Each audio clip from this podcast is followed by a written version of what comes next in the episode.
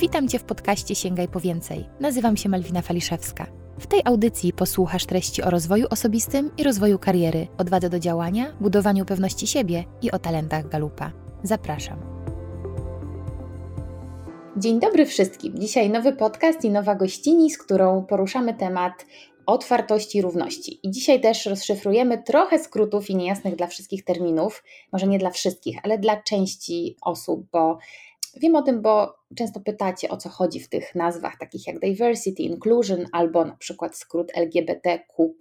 A w roli głównej dziś jest Anne Piżl, na Instagramie znana jako Anne Ratownica. Anne to ratownica medyczna, trenera instruktorów ratownictwa Międzynarodowej Federacji EFR, absolwentka Akademii Medycznej w Warszawie, autorka materiałów o pierwszej pomocy, prezeska Fundacji Safe Water Lifeland, ale to też przede wszystkim osoba pełna pasji do tego, co robi. Jak sama mówi, pracuje w bardzo wymagającym i trudnym zawodzie, który uczy pokory, ale też daje mnóstwo satysfakcji. Anne to też aktywistka społeczna, która angażuje się na rzecz tolerancji, włączenia i inkluzywnego języka. I przy po tym długim wstępie, Anę, bardzo miło mi Cię tutaj powitać. Cześć. Cześć, dzień dobry, dzień dobry wszystkim i bardzo dziękuję za zaproszenie, jest mi bardzo miło.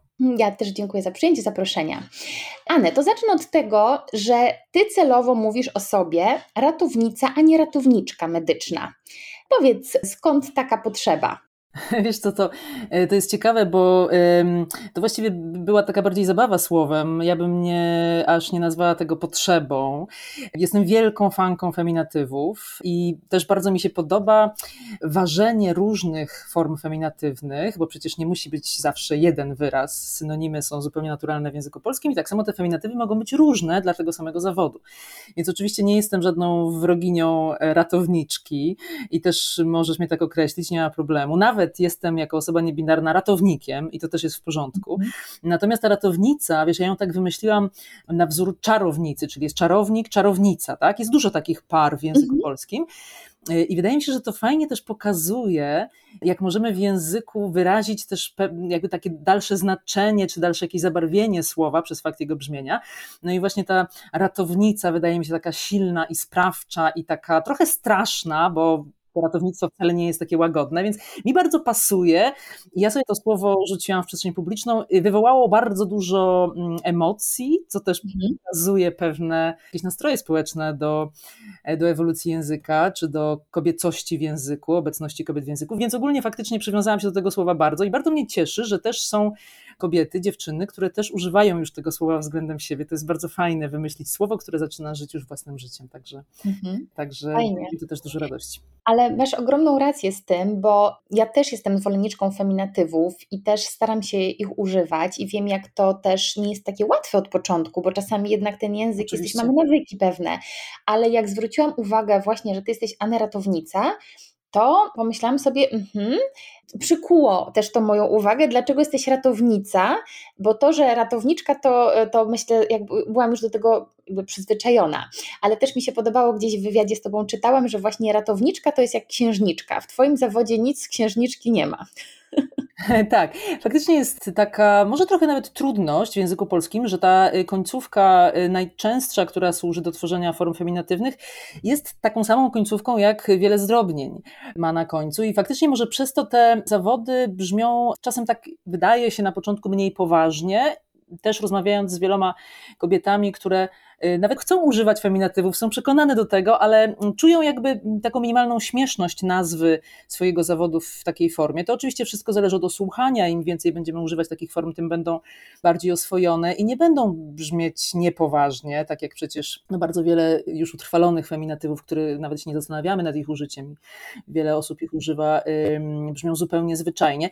Więc, y, więc temat jest złożony, ale tak, absolutnie zgadzam się z Tobą, że to nie jest takie oczywiste i chyba najwięcej osób jest jest takich, które używają jakby część form feminatywnych, a część nie, bo jeszcze nie są przekonane. To jest naturalne. Mhm. Podchodzę z dużym luzem do tego, uważam, że niczego w języku nie można narzucać, więc też jasne, każdy ma gdzieś tam swój moment i swoje słowa, które lubi mniej bądź bardziej, ale na pewno fajnie oswajać się z jakimiś nowymi formami. Język cały czas się zmienia, my się zmieniamy. Tak, my się zmieniamy bardzo i w ogóle nasze społeczeństwo się zmienia, mnóstwo rzeczy się zmienia. Ja też obserwuję swoje córki, dla których pewne rzeczy są już tak oczywiste, które nie były na przykład jeszcze jakiś czas temu dla mnie. Mimo że bardzo jestem sercem z, jakby z, z kobietami, z byciem feministką, no to coś, co dla mnie jeszcze było jakimś czymś dziwnym, dla nich jest bardzo, bardzo oczywiste. I to mhm. też jest bardzo fajne, że, że tak to widać.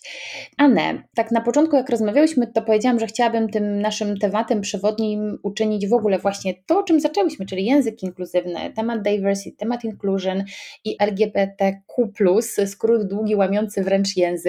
Ty wspomniałaś na początku, że jesteś osobą niebinarną. Czy możesz wytłumaczyć, co to znaczy? Bo my używamy tego sformułowania, ale ja wiem, że bardzo wiele osób gubi się, co to w ogóle znaczy, bo, bo jakby nikt nas tego nie uczy przecież w szkole. Tak, masz absolutnie rację. Ja mam bardzo w ogóle dużo życzliwości do osób, które gubią się w tych wszystkich skrótach, bo to jest naprawdę bardzo szeroki zakres materiału, a jest dokładnie tak, jak mówisz. Nie ma z tego lekcji, więc faktycznie wielu osobom ciężko jest się jakoś tym odnaleźć. E, tym bardziej, że temat faktycznie jest bardzo szeroki i bardzo złożony. Mi też wcale nie jest prosto odpowiedzieć na Twoje pytanie, co to znaczy być osobą niebinarną, ponieważ jest to takie pojęcie, my mówimy parasolowe, czyli takie pojęcie, pod którym mieści się jakby dużo też interpretacji tego, bo to trochę tak jakby zapytać, a co to znaczy być kobietą? Mhm. Wcale nie jest y, prosta odpowiedź na to pytanie. Tak. Pomimo, że być może intuicyjnie wydaje nam się, że przecież rozumiemy takie pojęcie, tak? No i tak samo zdefiniowanie, co to jest być osobą niebinarną też jest pewnym wyzwaniem, ale tak, żeby najprościej wytłumaczyć ten temat, to powiem, że osoby niebinarne nie identyfikują się w pełni z żadną z dwóch płci, czyli nie czują się w pełni kobietami ani w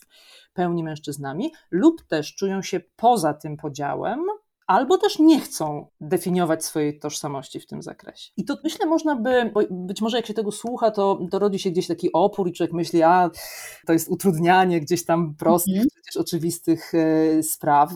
Myślę, że dobrą analogią, oczywiście ona nie jest idealna, ale jest przybliżająca nas do zrozumienia tematu, jest taka analogia z narodowością, bo narodowość to jest też coś, co dostajesz przypisane przy urodzeniu, prawda? Tak jak płeć. Ktoś po prostu wpisuje, jakiej jesteś narodowości i uwaga, wychowuje ciebie, socjalizuje ciebie już zakładając, że jesteś tej narodowości. Czyli prawda jest taka, że gdyby granice przebiegały trochę inaczej, urodzilibyśmy się, urodziłybyśmy się w innym miejscu, no to też bylibyśmy kim innym, bo tak, wychowywalibyśmy się jako osoby innej narodowości. I teraz kiedyś w takim być może świecie trochę mniej mobilnym, być może bardziej ograniczonym do jakiejś tam przestrzeni, faktycznie ta narodowość była z nami być może z większością osób przez całe życie i nikt jej być może nie podważał.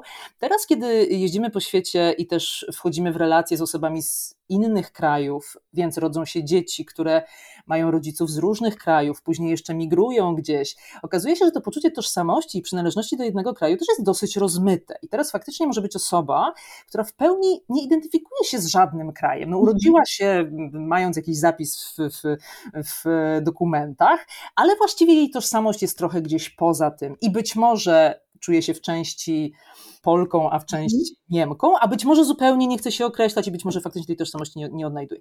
Albo też mhm. podważa w ogóle taką przyna konieczność przynależności narodowościowej. I z tą kategorią płci jest właściwie podobnie, więc myślę, że jak, jak wiele osób uchwyci tą rzecz z narodowością, z którą chyba się zgadzamy, że to, to właściwie jest dosyć zrozumiałe, to tak samo można to przełożyć na płeć i okazuje się, że to wcale nie jest nic wydumanego. Po prostu tak. Mm, ta, ta tożsamość jest taka nie do końca określona. Bardzo obrazowo i to wiesz, nieraz się takie pytania zadaje osobom, które na przykład wyemigrowały y, mhm. lata temu, się ktoś ich pyta, gdzie jest twoje serce, czy czujesz się Polką, czy czujesz się, nie wiem, tak.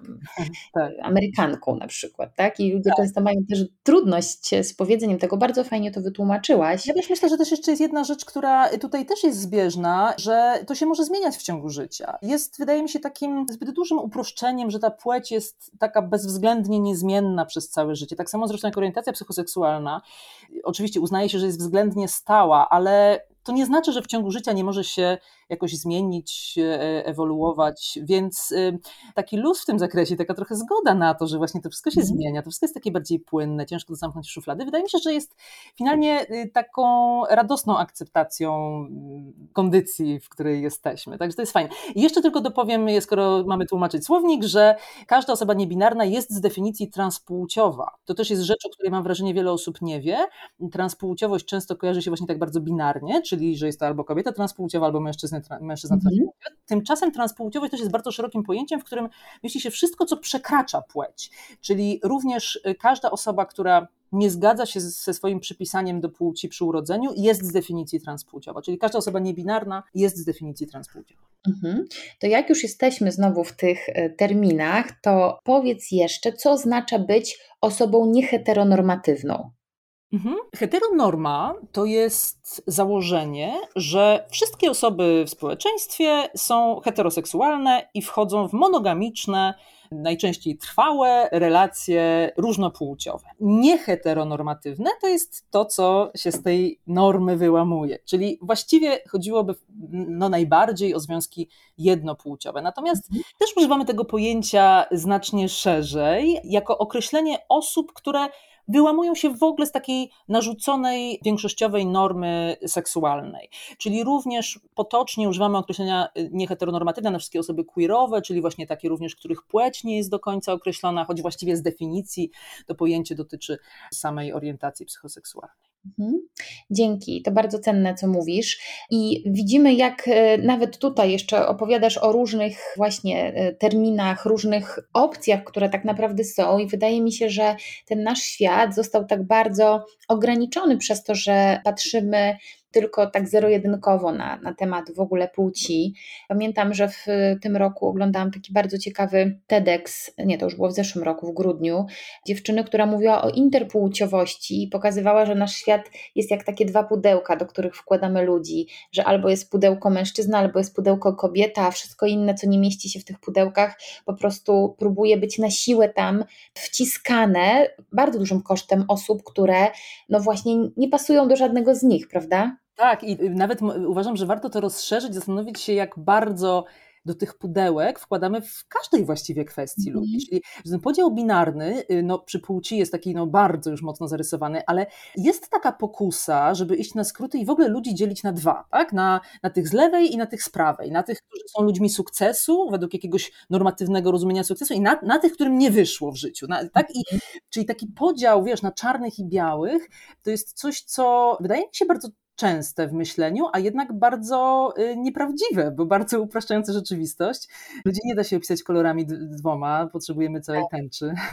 Więc wydaje mi się, że takie wyrwanie się y, z, z tego zdzielenia ludzi na pół jest bardzo wyzwalające i też, no znowu daje taką radość dostrzeżenia różnorodności, która jest fajna i w mhm. biznesie, i w ogóle w życiu. Tak, wiesz co, no myślę, że ten podział taki dwubiegunowy czasami sprawia, że po prostu ludziom jest być może łatwiej tak żyć, że, że to tak im upraszcza, że wtedy być może ale on też nie wymaga w takim razie aż tyle wysiłku, a jednak życie jest według mnie zbyt, zbyt wielobarwne, żeby tak sobie zupełnie tłumaczyć świat. I myślę, że to jest to pewne ograniczenie, kiedy zakładamy te klapki na oczy i już nie widzimy nic poza tym, co, co ten nasz, wiesz, czarny albo biały kolor pokazuje. Tak, yy, wiesz, oczywiście my też trochę tego uproszczenia potrzebujemy. Wydaje mi się, że bardzo ciężko byłoby żyć w świecie, w którym my w ogóle w żaden sposób sobie nie, nie tworzymy grup, nie, nie możemy w ten sposób nigdzie przynależeć, nie mamy żadnej tożsamości, więc ja też nie chcę wypowiadać żadnej wojny temu, że y, faktycznie na podstawie jakichś podobieństw gdzieś, gdzieś odnajdujemy te grupy podobne do mhm. nas. Natomiast fajnie jakby też widzieć, że to nie jest takie ostateczne, tak? Czyli że nawet jeżeli to robimy, to jest to umowne, że, że ta płeć też jest w jakiś sposób umowna i ta narodowość też jest umowna. I ja nie, nie buntuję się przeciwko tej narodowości, natomiast wydaje mi się po prostu ważne, żeby dostrzegać, że to nie jest jedyna opcja i to nie jest takie takie faktycznie niepodważalne. Anne, ty w ogóle zmieniłaś też e, swoje imię na takie neutralne płciowo mhm. i mówisz też o sobie i też to słyszę, że, że jesteś taką osobą bardzo otwartą, która ceni ludzi za to, kim są, w sensie kim są sobą, a nie niekoniecznie jakie mają e, nie wiem, przymioty w postaci nie wiem, nazw stanowisk czy, czy, czy czegokolwiek innego.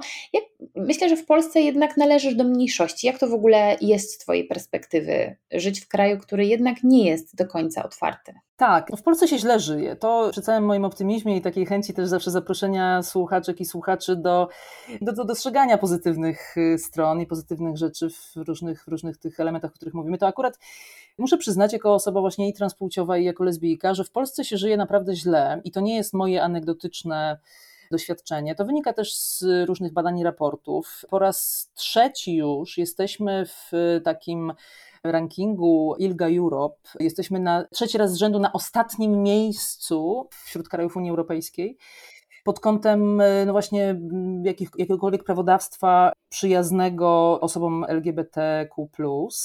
Co ważne, ten, ten ranking nie jest badanie opinii, czyli to nie jest zestawienie subiektywnych odczuć osób nieheteronormatywnych co do tego, jakim się żyje w kraju, tylko ta akurat organizacja bada, jak wygląda prawodawstwo, czyli jak wygląda ochrona przed mową nienawiści, jak wygląda prawo do azylu, jak wygląda prawo do zawierania związków partnerskich, czy małżeństw jednopłciowych, czy ochrona zdrowia osób interpłciowych, właśnie o czym też powiedziałaś, bo osoby interpłciowe też się mieszczą w skrócie LGBTQIA, choć nie są hetero, nieheteronormatywne, tak? więc, więc to też y, ważne, żeby dostrzegać, ten skrót jest jakby bardzo pojemny.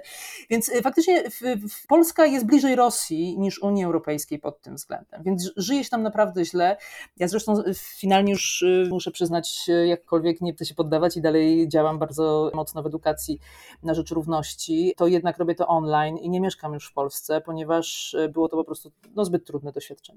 Nie tracę wiary, że to może się zmienić, jakby nie rezygnuję z wysiłku, żeby to też zmieniać, ale myślę, że droga jest jeszcze bardzo długa. Mhm. Wiele y, osób właśnie nieheteronormatywnych y, mówi, że to nie jest dobre miejsce do życia. Też słyszałam ostatnio o jednej ze znajomych, że ze swoją partnerką biorą ślub na Maderze no bo w Polsce jest to po prostu niemożliwe i jest tak duży opór. Też e, myślę na przykład z perspektywy pracodawców, korporacji, e, gdzie na przykład chociażby taki prosty zabieg jak dopisanie kogoś do opieki medycznej, mm, często jest zdefiniowane, że to musi być mąż lub żona, Czasami jest partner lub partnerka, to już jest trochę bardziej otwarte, ale znowu nie zawsze jest to też e, oczywiste, że może być to partner lub partnerka tej samej płci. Firmy otwarte na różnorodność, e, dbające o mm, diversity inclusion, myślę, że, że robią w tym zakresie więcej. No ale jest jeszcze mnóstwo, mnóstwo drogi do, do przejścia i wydaje mi się, że jesteśmy na początku, a wręcz jeszcze zaliczyliśmy jakiś regres, chwilami mi się tak zdaje z tym, co się dzieje ostatnio. Tak, faktycznie od y, tych 6-7 lat też mam wrażenie, że zrobiliśmy mocny krok w tył. Natomiast y, równolegle tak, też dostrzegam, że w wielu firmach ta świadomość jest większa. Ja też głównie pracuję z biznesem, bo ty przedstawiając mnie powiedziałaś o tej mojej ratowniczej nodze, tak. jak ja to mówię, ale drugą nogą jestem w równości i to nawet mniej w aktywizmie, a bardziej w edukacji. Mhm. Doradzam firmom właśnie, jak tworzyć taką transinkluzywną przestrzeń, jakim językiem przede wszystkim właśnie mówić, redagować komunikaty, żeby nikogo nie wykluczać, żeby również dostrzegać osoby z tej powiedzmy grupy LGBT, chociaż też nie tylko, bo ten język inkluzywny dotyczy też bardzo wielu przestrzeni, starości, niepełnosprawności, wyglądu i tak. I zauważam, że jakby jest, no jest w tym na przykład zakresie w biznesie bardzo duży, duży krok do przodu, więc to nie jest takie linearne i myślę, że myślenie o rozwoju w zakresie równości jak o takiej po prostu osi, na której my się przesuwamy linearnie, też nie jest do końca prawdziwe, więc e, no, w jednych przestrzeniach jesteśmy dalej, w, w innych jesteśmy niestety wciąż bardzo, bardzo w miejscu. No ale po to też tu się spotykamy, żeby, e, żeby to zmieniać. Tak, i to co powiedziałeś, bo, bo edukujesz też biznes, ja też pracuję z biznesem i takie mam poczucie, że bardzo często właśnie akurat tutaj to firmy, korporacje robią dużą i ważną pracę, taką, której nie robi nasz rząd na przykład i której nie ma aż tak w przestrzeni społecznej, w tym, co się dzieje właśnie w zakresie polityki i, i, tego, co powinno być dostępne dla wszystkich, to mam wrażenie, że właśnie poprzez to, że są takie tygodnie różnorodności w firmach, poprzez to, że ten temat się gdzieś w organizacjach e, adresuje, no to ci ludzie pracujący w danej firmie, oni po prostu wychodzą i też edukują swoje otoczenie na zewnątrz. Oczywiście wiem, że to nie jest łatwe, bo to sama nieraz przez to przechodziłam, że, że to nie jest tak, że zrobimy szkolenie i wszyscy powiedzą, aha, dobrze, tylko jest tam też bardzo dużo czasami takiego oporu, lęku, mm, niepokoju, e, a to teraz nam e, wszystkim każą coś robić w związku z tym, że mamy być otwarci na różnorodność, a to teraz nie możemy już zażartować,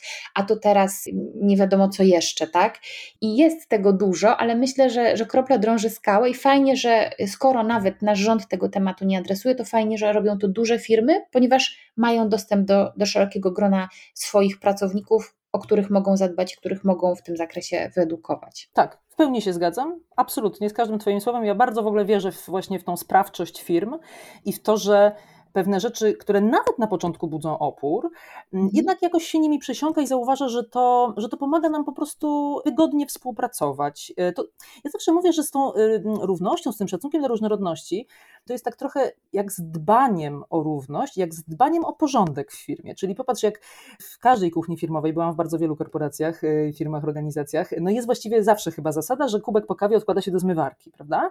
I nikogo właściwie nie pyta, jak robi w domu.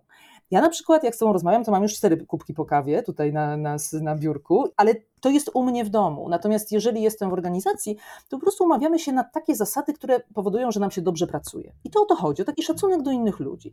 I na przykład język inkluzywny też jest właściwie taką formą umowy w biznesie, takiego trochę savoir vivre, że nie wypada pewnych rzeczy powiedzieć, nie wypada opowiadać takiego żartu. To jest po prostu już trochę poniżej poziomu, który chcemy reprezentować jako organizacja, więc umawiamy się na coś takiego. I nawet jeżeli jakieś osoby, no wydaje mi się, że, że to może przesada, że nic by się strasznego nie stało, no to mhm. odkładają ten kubek do zmywarki i z czasem okazuje się, że wszystkim jest miło.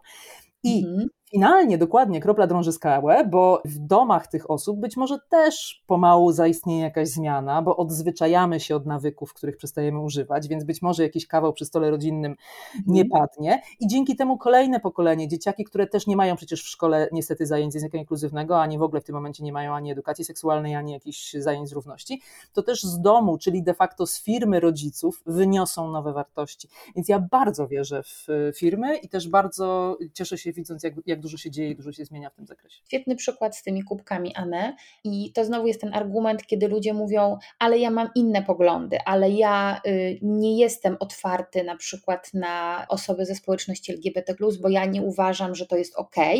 I też sobie myślę, ok, też masz prawo do tego, żeby no, mieć jakieś swoje zdanie, ale w miejscu pracy właśnie tu jest ta zamknięta przestrzeń, która powinna być bezpieczna, wolna od uprzedzeń, i to jest też obowiązek pracodawcy, żeby to zrobić. Więc to jest właśnie to zamknięcie tej dyskusji, że ok, możesz mieć swoje wartości, możesz się nie zgadzać, ale tutaj w miejscu pracy są takie zasady i, i tak powinniśmy wszyscy postępować i na, to się, i na to się umawiamy. W ogóle, Anne, y, od razu Ciebie zapytam, czy, bo ja sama też wiesz, dużo się zastanawiam, ja jestem osobą heteronormatywną, jeżeli tak można, chyba tak mogę sobie powiedzieć, ale też staram się być taktowna i umieć, i to też nie jest łatwe dla mnie, żeby dobrze o wszystkim się wyrażać. Zastanawiam się, czy w ogóle na przykład mówienie o osobach ze społeczności społeczności LGBTQ, czy to jest ok, czy to jest coś nie ok? Powiedz, jak w ogóle.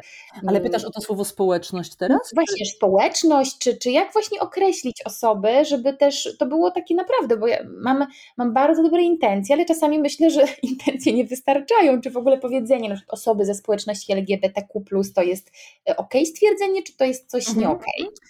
Tak, y, jeszcze tylko zanim odpowiem na to pytanie, chcę właśnie powiedzieć, że ja w ogóle zawsze zakładam, że ludzie mają dobre intencje y, i naprawdę y, jestem przekonana, że w większości przypadków tak jest. Dlatego nawet jeżeli ktoś powie coś nie do końca idealnie, to też wcale nie widzę w tym dużego problemu. Mam większe wymagania, jeżeli chodzi o media, oczywiście, czyli osoby, które powinny mieć takie kompetencje i wiedzę, żeby mówić. Natomiast też zawsze, jak rozmawiam o języku inkluzywnym, to chcę zaznaczyć, mamy prawo robić błędy. To jest język obcy.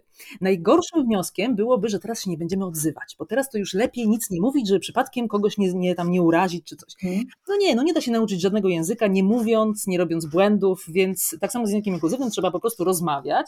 Faktycznie społeczność LGBTQ+, czy LGBTQIA+, dowolnie możemy tego skrótu użyć, mówiąc o całej grupie, to jest określenie w porządku, chociaż ja już tutaj osobiście, w, to jest moje osobiste zdanie, wiem, że wielu y, trenerów i trenerek inkluzywności nie sprzeciwia się temu określeniu. Natomiast ja troszeczkę myślę o tym tak, że cały czas powielając ten zwrot społeczność mhm. LGBT, stwarzamy wrażenie, jakby to faktycznie była jakaś grupa osób, których no coś łączy, nie wiem, jakieś poglądy, czy, no bo społeczność, prawda, no kojarzy nam się jednak z jakąś w miarę jednolitą grupą.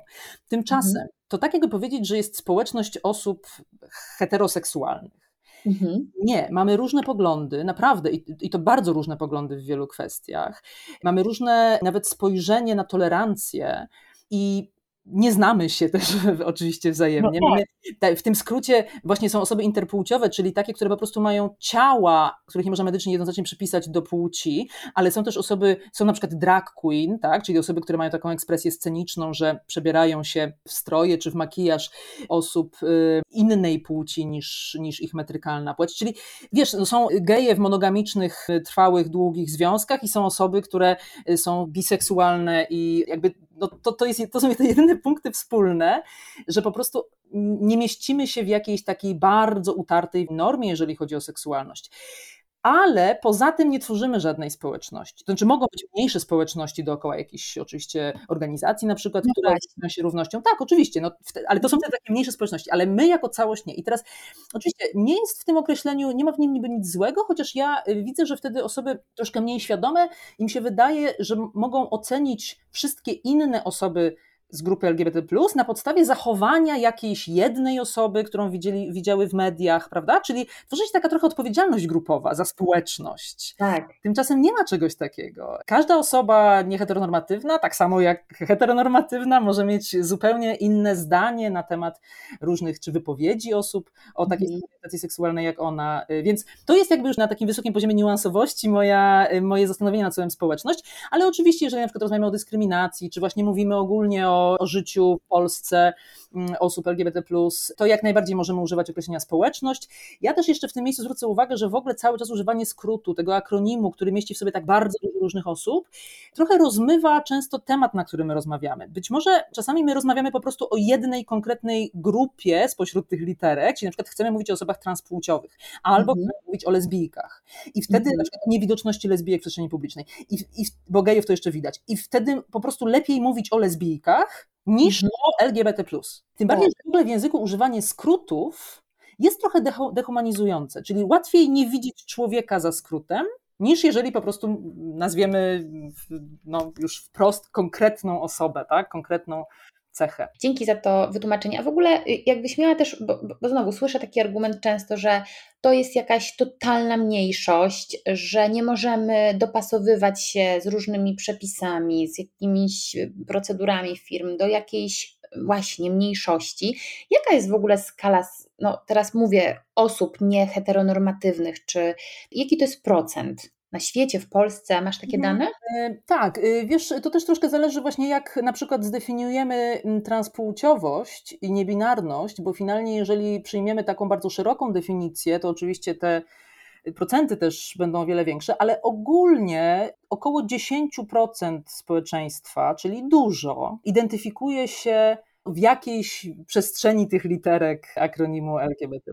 I to, jest, I to jest dużo. Natomiast też myślę, że ważne jest, żeby mm, właśnie myśląc na przykład o, nie wiem, o tym, czy dostosujemy procedury firmowe do jakiejś tam mniejszości. I teraz nawet nie myślę tylko o osobach nieheteronormatywnych, tylko o osobach z niepełnosprawnościami, właśnie o osobach na przykład o nienormatywnej masie ciała, o najróżniejszych osobach, do których fajnie byłoby na przykład dostosowywać przestrzeń w firmie, czy tworzyć jakieś udogodnienia. To przecież no, wydaje mi się, że zastanowienie się, to ile my mamy osób z niepełnosprawnościami, niepełnosprawnością i czy aby na pewno chcemy do nich dostosować firmę. No przecież nawet jak mamy dwie, to chcemy, mhm. żeby czuły się dobrze. Czuły.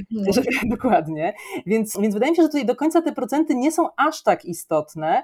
Tym bardziej, że z badań wynika, y, badań biznesu, że różnorodne zespoły generują więcej pieniędzy. Po prostu. I tutaj z różnych badań wynika, że nawet o 15% większe zyski mają w tej samej branży firmy, które są bardziej różnorodne. Tak, pod warunkiem, że jest tam to inclusion, czyli tak. to włączenie i ta otwartość i kultura oparta na szacunku, bo, bo sama e, też bardzo często o tym mówię, że sama różnorodność nie wystarczy, bo ona po prostu jest trochę jak, no jest takie powiedzenie, tak? Różnorodność jest faktem, włączenie wyborem i i sam fakt posiadania różnorodnych ludzi wokół siebie jeszcze nie, nie generuje tej, tej kreatywności, to, że oni będą otwarci wobec siebie, że będą czuli, mieli to poczucie bezpieczeństwa, dopiero to są te podwaliny, prawda, do, y, te warunki, które pozwolą zakwitnąć tej różnorodności. Tak, tak oczywiście. Czyli musimy tę różnorodność jakby zauważyć i otworzyć się na nią i wtedy ona procentuje, tak.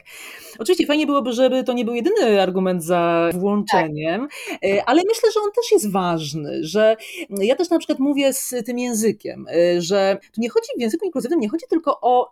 o to, żeby takie, wiesz, takie altruistyczne myślenie, żeby kogoś nie zranić, żeby komuś było miło. Oczywiście przede wszystkim o to chodzi, ale można też popatrzeć egoistycznie na używanie języka inkluzywnego i w ogóle na włączanie, że tworzymy jakiś swój wizerunek, prawda? Tworzymy wizerunek swój jako firmy, że mamy takie wartości, możemy się tym chwalić, tylko oczywiście róbmy to, żeby to nie było fasadowe, więc róbmy to, ale też możemy się tym chwalić i nas to buduje. I tak samo, kiedy ja używam jakiegoś języka, to jest jak ze strojem, ja się w to ubieram, ja się, w tym, ja się tym wyrażam. Jest takie hiszpańskie przysłowie, cuando Pedro hablas de Juan, sabemos más de Pedro que de Juan, czyli kiedy Pedro mówi o Juanie, to dowiadujemy się więcej o Pedro niż o Juanie. Mhm. I faktycznie tak jest. Jeżeli ktoś mówi językiem inkluzywnym o kimś, to ja z osoby, osoby, której słucham, jakby ja, ja, wiem, jakie ona ma wartości, ja, ona, się, ona się w ten sposób wyraża. Więc jakby tworząc inkluzywność, my ugrywamy, powiem wprost, wiele rzeczy. Mhm. No właśnie, mówimy o tej inkluzywności, która, wytłumaczmy trochę, czym ta inkluzywność jest, bo kiedyś słyszałam, że nie ma takiego w ogóle słowa w języku polskim. Samej na początku, jeszcze z 10 lat temu, jak usłyszałam pierwsze słowo inclusion, to bardzo mi było trudno sobie jakby zrozumieć, o co chodzi. Jakby mhm. tak namacalnie poczuć, co to jest. To jakbyś Ty, Anę, powiedziała, czym jest ta inkluzywność i czym jest ten język inkluzywny? Mhm. Tak, odniosę się jeszcze do tego, że jakiegoś słowa nie ma w języku polskim, bo też często słyszę też przy feminatywach dużo osób podnosi tak. taką, e, taką rzecz. Natomiast w nowym e, słowniku języka polskiego jest 3000 nowych haseł względem poprzedniego wydania, więc myślę, że to też trochę otwiera oczy, że to nie tylko w naszej równości my sobie wymyślamy jakieś słowa, tylko po prostu te nowe słowa cały czas powstają. Ja myślę, że mm, różnie można oczywiście wytłumaczyć tę inkluzywność, ale spróbujmy w ten sposób, żeby ją jakby przeciwstawić ekskluzywności. Mhm. Ekskluzywne jest to, to, co wprawdzie kojarzy nam się być może dobrze, no bo to taki zapach luksusu, mhm. ale jednak to wyklucza większość osób na świecie. Większość osób nie ma dostępu do ekskluzywnych towarów. Czyli ekskluzywne jest to, co jest dla małej grupki bogatych uprzywilejowanych, tak? Możemy sobie taką zrobić mhm. metaforę. Natomiast inkluzywne jest dokładnie przeciwieństwem tego. Inkluzywne jest to, co jest dostępne dla wszystkich, czyli co jest wynikiem starania, żeby nie było osoby, która zostanie za drzwiami. Czyli my chcemy wszystkich włączyć i myśląc w firmie, chcemy, żeby każda jedna osoba w firmie, jeżeli na przykład organizujemy piknik rodzinny, to żeby czuła się zaproszona. Czyli chcemy taką stworzyć kulturę w firmie i tak też na przykład właśnie stosując język, wystosować komunikat z zaproszeniem, żeby każda osoba niezależnie jaką ma rodzinę, jaką ma, jaki ma model rodziny, jakie ma wartości, wiedziała, że tam będzie u siebie. W ogóle ja też myślę, że ważne, żeby w naszej rozmowie podkreślić, że w tej inkluzywności, oczywiście my najczęściej myślimy o mniejszościach różnych, ale tu chodzi też o szacunek dla wszystkich wartości, również dla tych większościowych. Czyli osoby, które się boją, że teraz one mają jakiś model rodziny, użyjmy skrótu tradycyjny, tak, i że teraz to będzie zamach na ich wartości. Ja od razu chcę uspokoić, że w dobrze rozumianej równości my również mamy absolutnie tolerancję i szacunek dla większościowych mm, jakichś wyborów, dla wszystkich wyborów, czyli my w ogóle nie wartościujemy tego. Tak? Mhm. Tolerancja to nie jest machanie tęczową flagą i szacunek do gejów. Nie, tolerancja tak. to jest zgoda na, na to, że mamy różne wartości właśnie i że mamy różne modele rodziny i tutaj są rodziny wielodzietne, tu są osoby mocno wierzące i to też te wszystkie osoby mają się czuć dobrze. No, a ten sam język inkluzywny to jest właśnie takie, takie najpierw myślenie, bo potem za tym idzie mówienie, ale takie myślenie, żeby y, nie myśleć tym, tą kolejną, że myślimy cały czas o, o, o osobach, które są w większości, czyli zakładamy, że wszyscy chcą tak i tak i wszyscy mają takie same cechy, tylko zauważam, że są osoby, które najczęściej w komunikacji są pomijane i chcę je do tej komunikacji włączyć. W tym też mieści się fakt nieużywania słów, które są stereotypizujące albo stygmatyzujące. To jest na przykład wózek inwalidzki, już bardzo często cytowany przykład i cieszę się, bo myślę, że coraz więcej osób już wie, że to nie jest właściwe określenie, bo inwalida pochodzi od y, łacińskiego invalidus, nieważny, nieistotny, co już nie wymaga dalszego komentarza, więc lepiej po prostu mówić wózek i nie osoba na wózku, tak jakby była to cała jej kondycja życia, tylko osoba poruszająca się na wózku, bo to jest jej sposób poruszania się. Tak? Czyli mhm. jakby troszeczkę pogłębienie wiedzy o etymologii różnych słów, o, o źródłosłowie, pozwala też mhm. zważyć, czy to słowo jest, no właśnie, czy ono jakoś nie jest oceniające lub stygmatyzujące. Tak?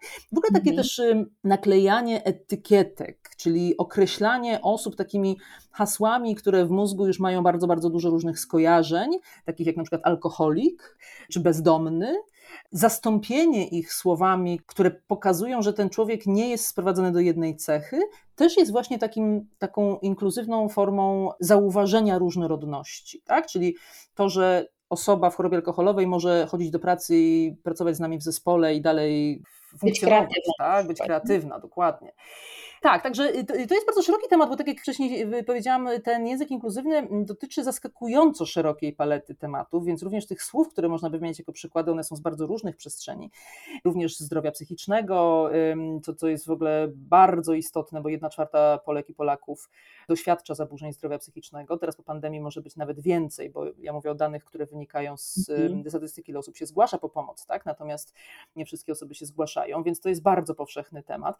Również starość niewątpliwie jest dla wszystkich nas y, tematem bliskim i to też pomaga zrozumieć, że język inkluzywny to nie jest jakiś temat, który dotyczy ich, jakichś tamtych, jakichś onych tylko my, mówiąc inkluzywnie, no my po prostu mówimy o nas. My mówimy o wszystkich nas. Każda, każdy z nas jest w jakiejś grupie defaworyzowanej, a jeżeli jeszcze nie jest, to będzie. Nie ma właściwie osoby, która byłaby do końca życia uprzywilejowana.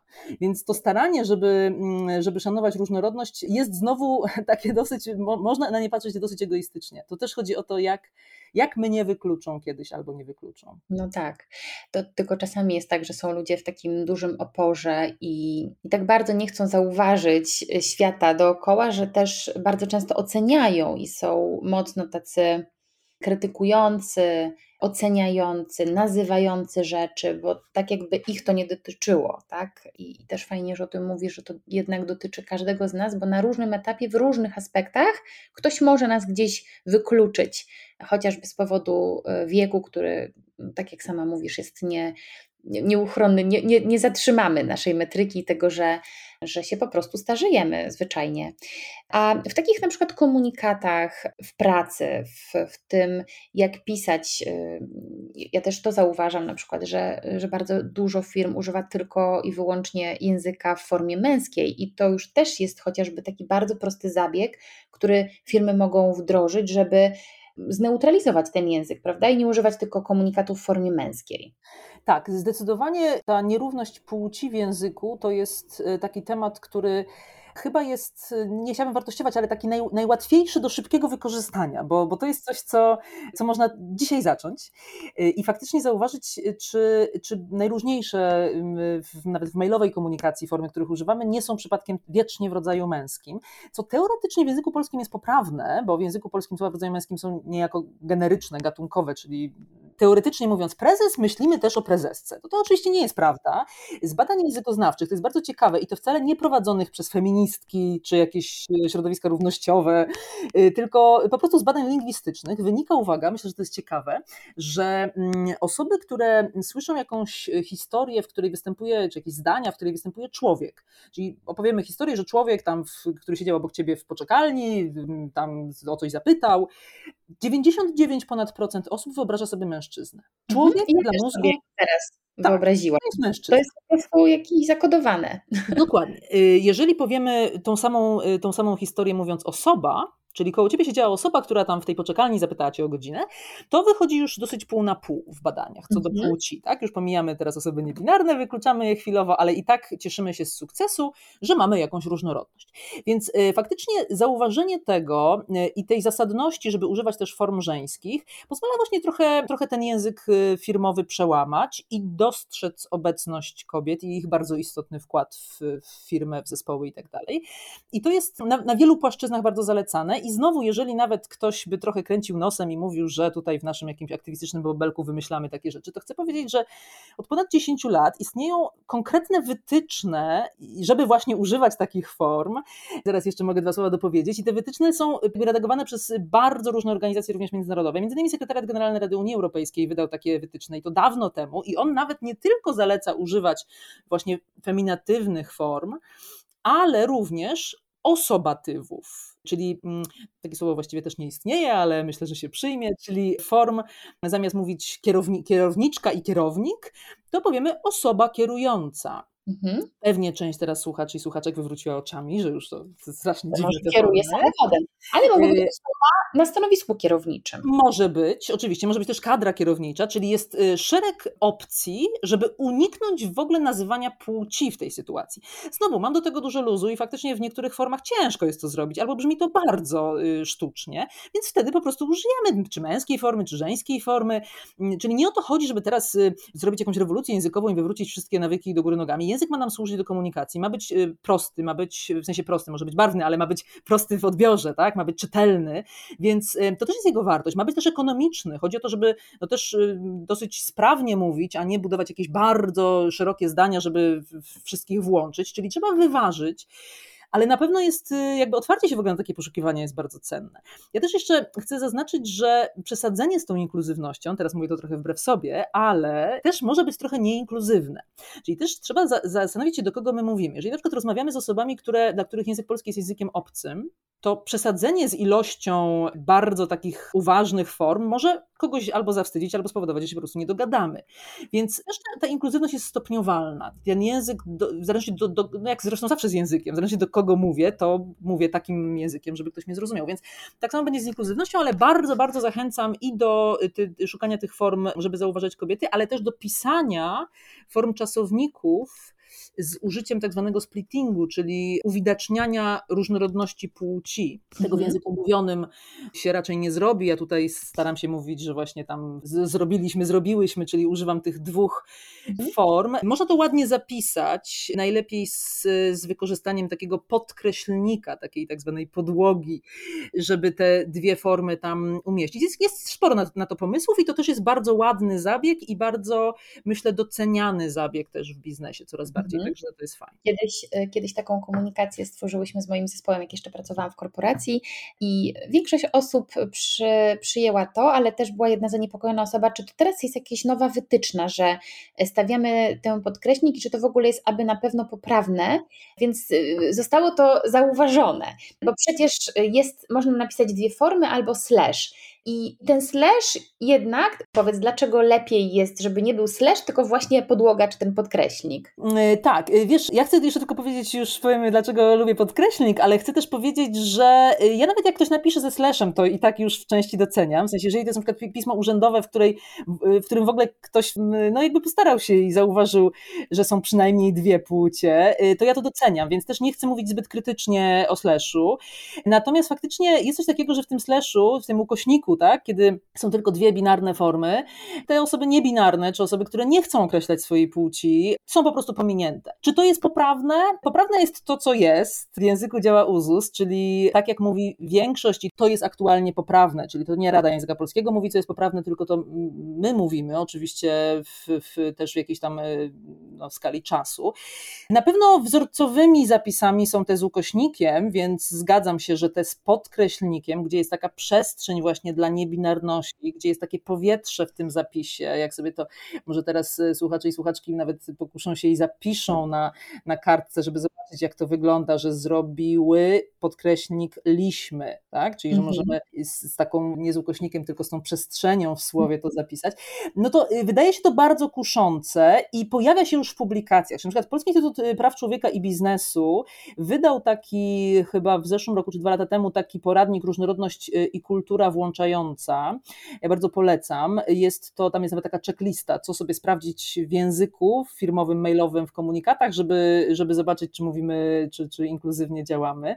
I tam na przykład te podkreślniki są już zalecane, tak? Czyli e, to też nie jest tak, że my w jakimś bardzo niszowym gronie te podkreślniki sugerujemy, ale tak jak mówię, też, e, też trzeba się zastanowić e, w, w czy, czy zawsze będziemy używać tych podkreśników, czy może lepiej właśnie napisać obie formy, czyli samo nawet zastanowienie się nad tym już jest fajne, wydaje mi się bardzo dużym takim tak. krokiem do przodu. I, mhm. Jak patrzę też na przykład na różne dokumenty, które czasami przychodzi mi wypełniać e, ze szkoły, to czuję już taką e, czasami takie zdenerwowanie, jak widzę na przykład, że ja mam dwie córki, a jest napisane wyrażam zgodę, aby, aby uczeń i na przykład nie ma uczennica, tak? Albo że y, jestem opiekunem y, dziecka, czy no jak, jakkolwiek to jest napisane, że jest tylko ta jedna forma, więc mam mhm. Czasami staram się dopisywać, po prostu jak nie ma, to dopisuję długopisem, nie po złośliwości, ale tak z jakiejś takiej po prostu chęci pokazania, że te formy istnieją. Wczoraj byłam z córką też u lekarza i też byłam bardzo pozytywnie zaskoczona, bo ona już jest duża i zwykle nie dostaje naklejek, ale że miała pobieraną krew, to pani pielęgniarka e, bardzo e, chciała być dla niej miła i powiedziała, proszę wybierz sobie tutaj naklejki dla, dla dzieciaków. I był dzielny pacjent i dzielna pacjentka.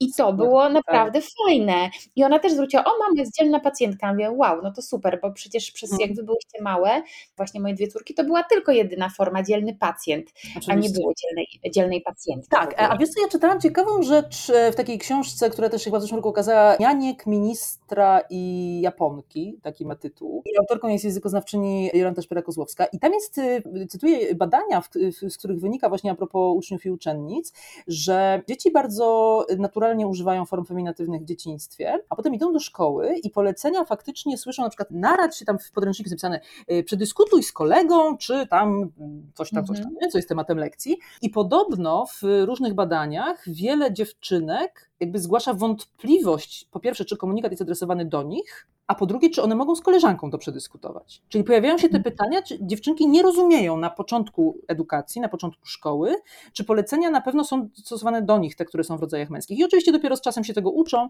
więc wychodząc ze szkoły już doskonale wiedzą, że wszystko w rodzaju męskim też mają odbierać do siebie. Ale to nie jest naturalne w języku.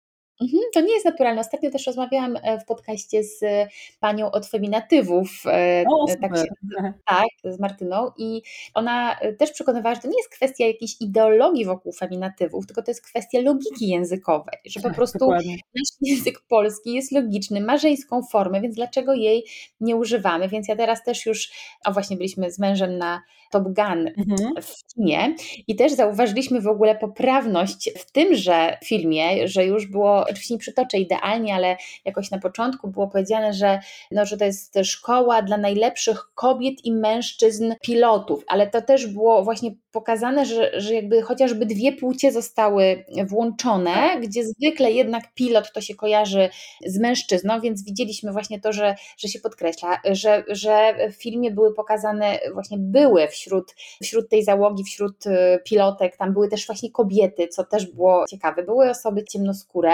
więc ta różnorodność już była. Nawet tę poprawność zauważyliśmy chociażby w tym, że nie mówiło się, jakaś była akcja, że trzeba rozbroić jakąś fabrykę i nie było powiedziane y, w jakim kraju, co zazwyczaj w filmach było, że chodzi o konkretny kraj, to było w jakimś właśnie reżimowym, czyli, aha, aha. Y, czyli też było znowu tak trochę naokoło powiedziane, ale bez takiego naznaczania tak. kraju, że to jest, nie wiem, Rosja, czy to jest mhm, mhm. Korea Północna, czy cokolwiek innego.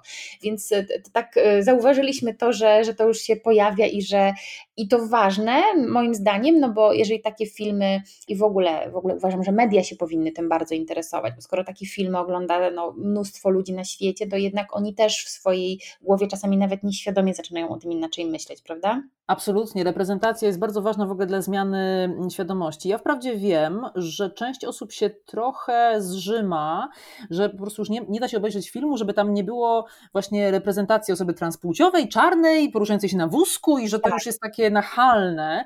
Ja nawet się troszkę zgadzam z tym, że jeżeli to jest nieumiejętnie wprowadzone, no to może, no może być mhm. jakby takie trochę też utrudniające percepcji, takie sztuczne, więc pomysł na dobrą reprezentację i zastanowienie się, jak to faktycznie zrobić, żeby pokazać prawdę, czyli jakąś taką jednak naturalną obecność właśnie różnorodnych osób w społeczeństwie, a nie zrobić tego zbyt nachalnie, no też jest wyzwaniem oczywiście dla osób, które tworzą i media, i filmy, więc rozumiem, że to nie jest taki, taki, takie proste do ugryzienia, ale na pewno jest to bardzo ważne do ugryzienia, więc trzymam no, kciuki, żeby... Tak. tak Były żeby... dwie pilotki w każdym razie, co mnie ucieszyło, to było takie e, też realne moim zdaniem, jak na nasz świat, że były dwie. Ane, dobrze, żeby już nie odbiegać tutaj od filmów, to jeszcze takie proste, znaczy nie wiem czy proste, ale pytanie, załóżmy, że słuchają nas osoby, które myślą sobie, kurczę, ja nie wiem, czy w zasadzie ja to jestem inkluzywna, czy nie jestem inkluzywną osobą, to, to co może zrobić e, każda osoba dziś, żeby w ogóle zacząć być bardziej inkluzywnym człowiekiem? No, bardzo dobre pytanie, bo widzisz, każdy ma coś do zrobienia, to ja też się cały czas rozwijam, więc e, no, jakby nie ma osoby, która może powiedzieć, że już jest na końcu drogi, ja tu już jestem już tak tolerancyjna, że już nic nie muszę. Więc faktycznie niezależnie kto jest na jakim etapie, zawsze możemy być bardziej. Myślę, że jeżeli ktoś jest na takim bardzo początkowym etapie, czyli faktycznie trochę po raz pierwszy słucha dzisiaj o języku inkluzywnym, to ja bym chyba zachęcała, żeby po prostu poczytać też troszkę więcej. Jest bardzo dużo dostępnych i bardzo krótkich przewodników inkluzywności w internecie. Podkreślam, że krótkich, żeby też nie zniechęcić nikogo jakąś taką e, dużą, szeroką lekturą, ale ja bardzo wierzę w wiedzę w zakresie językowym, czyli że tu właśnie nie chodzi o ideologię, tylko tu po prostu chodzi o przeczytanie różnych prostych wytycznych, jak mówić o niepełnosprawności, czy w ogóle taki savoir vivre na przykład wobec osób z niepełnosprawnościami. To jest y, rzecz, która, o której po prostu warto przeczytać 10 stron. Mm, czy właśnie trochę rozszerzyć swoją wiedzę o transpłciowości. I myślę, że przy oczywiście pewnym no też chęci do, do zrobienia tego kroku, po prostu później idzie coraz łatwiej, bo tu, tu po prostu chodzi o wiedzę. Ja też zawsze mówię, reklamując te szkolenia z języka inkluzywnego, które prowadzę, że my nie rozmawiamy właśnie o poglądach. To nie jest szkolenie o poglądach. My rozmawiamy o konkretnej wiedzy, o właśnie pochodzeniu słów, o znaczeniu słów, o skojarzeniu, o stereotypach, które po prostu są to, to jakby to są fakty, więc ja po prostu chyba zachęcę do zdobywania, rozszerzania sobie troszkę wiedzy, nawet codziennie parę nowych słów, czy, czy właśnie jakichś nowych kontekstów na pewno nas doskonali. Ja też to robię, ja też się nad słowami różnymi zastanawiam, też mam no, tę przyjemność e, działać w kilku organizacjach, takich jak na przykład Towarzystwo Edukacji Antydyskryminacyjnej i mamy jakby też osoby, z którymi mogę dyskutować swoje wątpliwości, więc na pewno to bardzo ułatwia i też jest to jakiś przywilej, ale tak jak mówię, sieć daje też tutaj bardzo dużo, podpowiada dużo fajnych opcji, mhm. zachęcam. Tak, myślę, że też do czego ja bym osobiście zachęciła, E, jako osoba, która też stara się tutaj bardzo mocno działa na rzecz kobiet, żebyśmy chociaż te z Was, które nigdy nie wypowiedziały swojej nazwy stanowiska w formie żeńskiej, to spróbujcie w ogóle jak to jest, bo na początek to trzeba się w ogóle oswoić z tym i usłyszeć to. E, nieraz słyszałam, że nie chcę być prezeską, nie chcę być dyrektorką, a teraz i powiem Ci Anę też, że ja nawet kiedyś to słowo dyrektorka też mi się wydawało takie nie do końca, ale już powiedziałam sobie już je chyba z tysiące razy i tyle razy je usłyszałam i tyle razy gdzieś usłyszałam o jakiejś, in, jakiejś in, jakąś inną kobietę, która mówi o sobie dyrektorka, że ono naprawdę mi się zneutralizowało, że już nie mam tego takiego poczucia, że to już jest, że ta końcówka K to jest jakaś taka, tak. taka umniejszająca, tak? tak? Ale i coś takiego jest, więc może, może chociażby też to, a mężczyźni, jeżeli nas słuchacie, to też spróbujcie o swoich e, koleżankach z pracy właśnie powiedzieć e, w formie żeńskiej, czy, czy właśnie o swoich córkach, mhm. czy zwracać na to uwagę, że wasze córki to uczennice, a nie uczniowie. E, to też myślę, że bardzo tak, prosty zabieg. Może jeszcze zachęcę do y, drugiego ćwiczenia, skoro tak idziemy w praktyczne rady, żeby mówiąc do jakiejś grupy, czy do jakichś osób, które trochę znasz, no tam w pracy na przykład, ale trochę nie znasz, to y, założyć, wyobrazić sobie, że one są bardziej w grupach opresjonowanych niż nam się to wydaje. Czyli, bo bardzo często ludzie mówią, ale ja nie mam w pracy, nie wiem, osób o czarnym kolorze skóry, czy osób z niepełnosprawnościami, więc załóż rozmawiając, że ktoś z osób, do których mówisz, ma na przykład partnera, partnerkę czarną, wszystko, co będzie powiedziane z elementem rasizmu, jest bezpośrednio jakby dotyka tej osoby. Mhm. Załóż, że osoby, z którymi rozmawiasz, mają niepełnosprawności, bo 80% niepełnosprawności nie widać, czyli możemy założyć, że ktoś, o kim nigdy nam nie przyszło do głowy, jest mhm. osobą z niepełnosprawnością. Załóż, że znasz osobę transpłciową, tylko nie wiesz, która to jest, ale to bardzo prawdopodobne, bo bardzo dużo osób transpłciowych nie mówi o tym i też nie podejmuje odważnego kroku przez wiele lat odnośnie mm, tranzycji czy jakiegoś coming outu. Więc takie ćwiczenie ćwiczenie, żeby założyć, że my znamy te osoby, że my z nimi pracujemy, że one są bardzo blisko nas, wydaje mi się, że też jakby motywuje do tego, żeby na te słowa po prostu jakoś tak uważać w takim dobrym znaczeniu, takiego ważenia ich, takiej życzliwości do innych osób, takiego szacunku. Mhm. To jest y, tak, to, to ja się bardzo podpisuję pod tym, bo bardzo często możemy się zdziwić, nie wiedząc po prostu, zakładając coś takiego. A to jeszcze na koniec opowiem taką anegdotę. Kiedyś jedna z, z moich znajomych lesbijek opowiadała mi taką sytuację, że weszła do pracowniczej kuchni i dwie dziewczyny rozmawiały, nie wiedząc, że ona w tej kuchni jest. I rozmawiały o niej. I mówiła, ty wiedziałeś, że ona jest lesbijką? A druga mówi, Jezu, co ty gadasz, ja z nią tyle razy sama w kuchni byłam. I y, ta moja znajoma oczywiście mm, jakby śmieje się z tego, bo dla niej to jest niezrozumiałe. I też ostatnio nawet ze znajomymi o tym rozmawiałam gdzieś, y, że jeżeli jesteśmy w gronie osób heteroseksualnych, to jakoś nie zakładamy, że nie wiem, mąż mojej koleżanki, jak jestem z nim sama w kuchni, że on się teraz na mnie rzuci i na przykład będzie chciał mnie, nie wiem, podrywać, dlatego że mamy tę samą preferencję seksualną. A dlaczego zakładamy, że osoba właśnie homoseksualna natychmiast rzuci się na kogoś y, tej samej płci? Więc też na to sobie popatrzcie. Czy, czy przypadkiem też takich dziwnych założeń nie, nie macie w głowie? Bo znowu takie, ja też jestem okej, okay, dla mnie mi geje nie przeszkadzają tak długo, jak nic ode mnie nie chcą. No, no to też jest takie częste, co słyszę i to jest, no strasznie mi to denerwuje i zawsze tłumaczę o tym, że, że to naprawdę tak nie jest i używam tego wtedy przykładu, czy, czy właśnie zakładasz, że osoba przeciwnej płci rzuci się na ciebie tylko dlatego, że jest heteroseksualna. Tak, oczywiście. Ja myślę, że w ogóle takie, to co mówisz, takie tropienie swoich um, takich kolejn myślenia, swoich uprzedzeń jest y, bardzo istotne i jest jakieś badanie, które mm, potwierdza, że osoby, które twierdzą, że nie mają żadnych uprzedzeń, najczęściej finalnie dyskryminują. Więc mhm. zdanie sobie sprawy z tych uprzedzeń i z tych takich stereotypów jest bardzo ważne. Nie ma co się bronić przed tym. Jest takie prześmiewane bardzo zdanie, że jestem tolerancyjna, ale. No i wszyscy wiedzą, mhm. że teraz padnie coś strasznego, więc że to jest człowiek, już jest rasistą. Tymczasem ja uważam, że oczywiście, wiadomo, da się to zdanie tak dokończyć, że lepiej byłoby, żeby ta osoba nie, nie mówiła tego głośno, ale uważam, że to zdanie, jeżeli każda, każdy z nas uczciwie sobie teraz dokończy, teraz mhm. po, po audycji zastanowi się i pomyśli, jestem, no jestem tolerancyjna, pewnie tak, pewnie większość z Was tak się określa, ale, ale nie do końca, ale jest jednak coś na przykład, co generuje jakieś takie emocje, mam, mam te stereotypy, bo wszyscy je mamy, nie da się żyć w społeczeństwie nie mieć stereotypów, więc wytropienie sobie tego i przyznanie się do, do tego, co jest po ale, otwiera w ogóle szansę na rozwój, więc ja jestem wielką fanką zdania, jestem tolerancyjna, ale z tym mam jeszcze problem. Mhm. I fajnie. I tak zakończmy, Anę.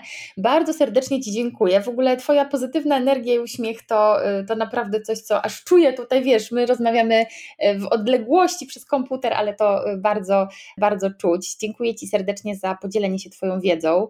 Bardzo I... Ci dziękuję za zaproszenie. A Was, słuchajcie, zapraszam do wykonania ćwiczeń większej otwartości. Jeżeli też macie w swoim otoczeniu kogoś, kto uważacie, że powinien tego podcastu wysłuchać, to prześlijcie go, bo to też jest edukacja i inspirowanie innych do pozytywnych zmian. Dzięki Jany i wszystkiego dobrego dla Ciebie. Bardzo dziękuję i dla Was wszystkich wszystkiego dobrego. Dzięki. Jeśli podobał Ci się ten odcinek, udostępnij go znajomym. Zasubskrybuj mój kanał, jeśli chcesz być na bieżąco z tematami, które poruszam. I powodzenia w Twoim sięganiu po więcej.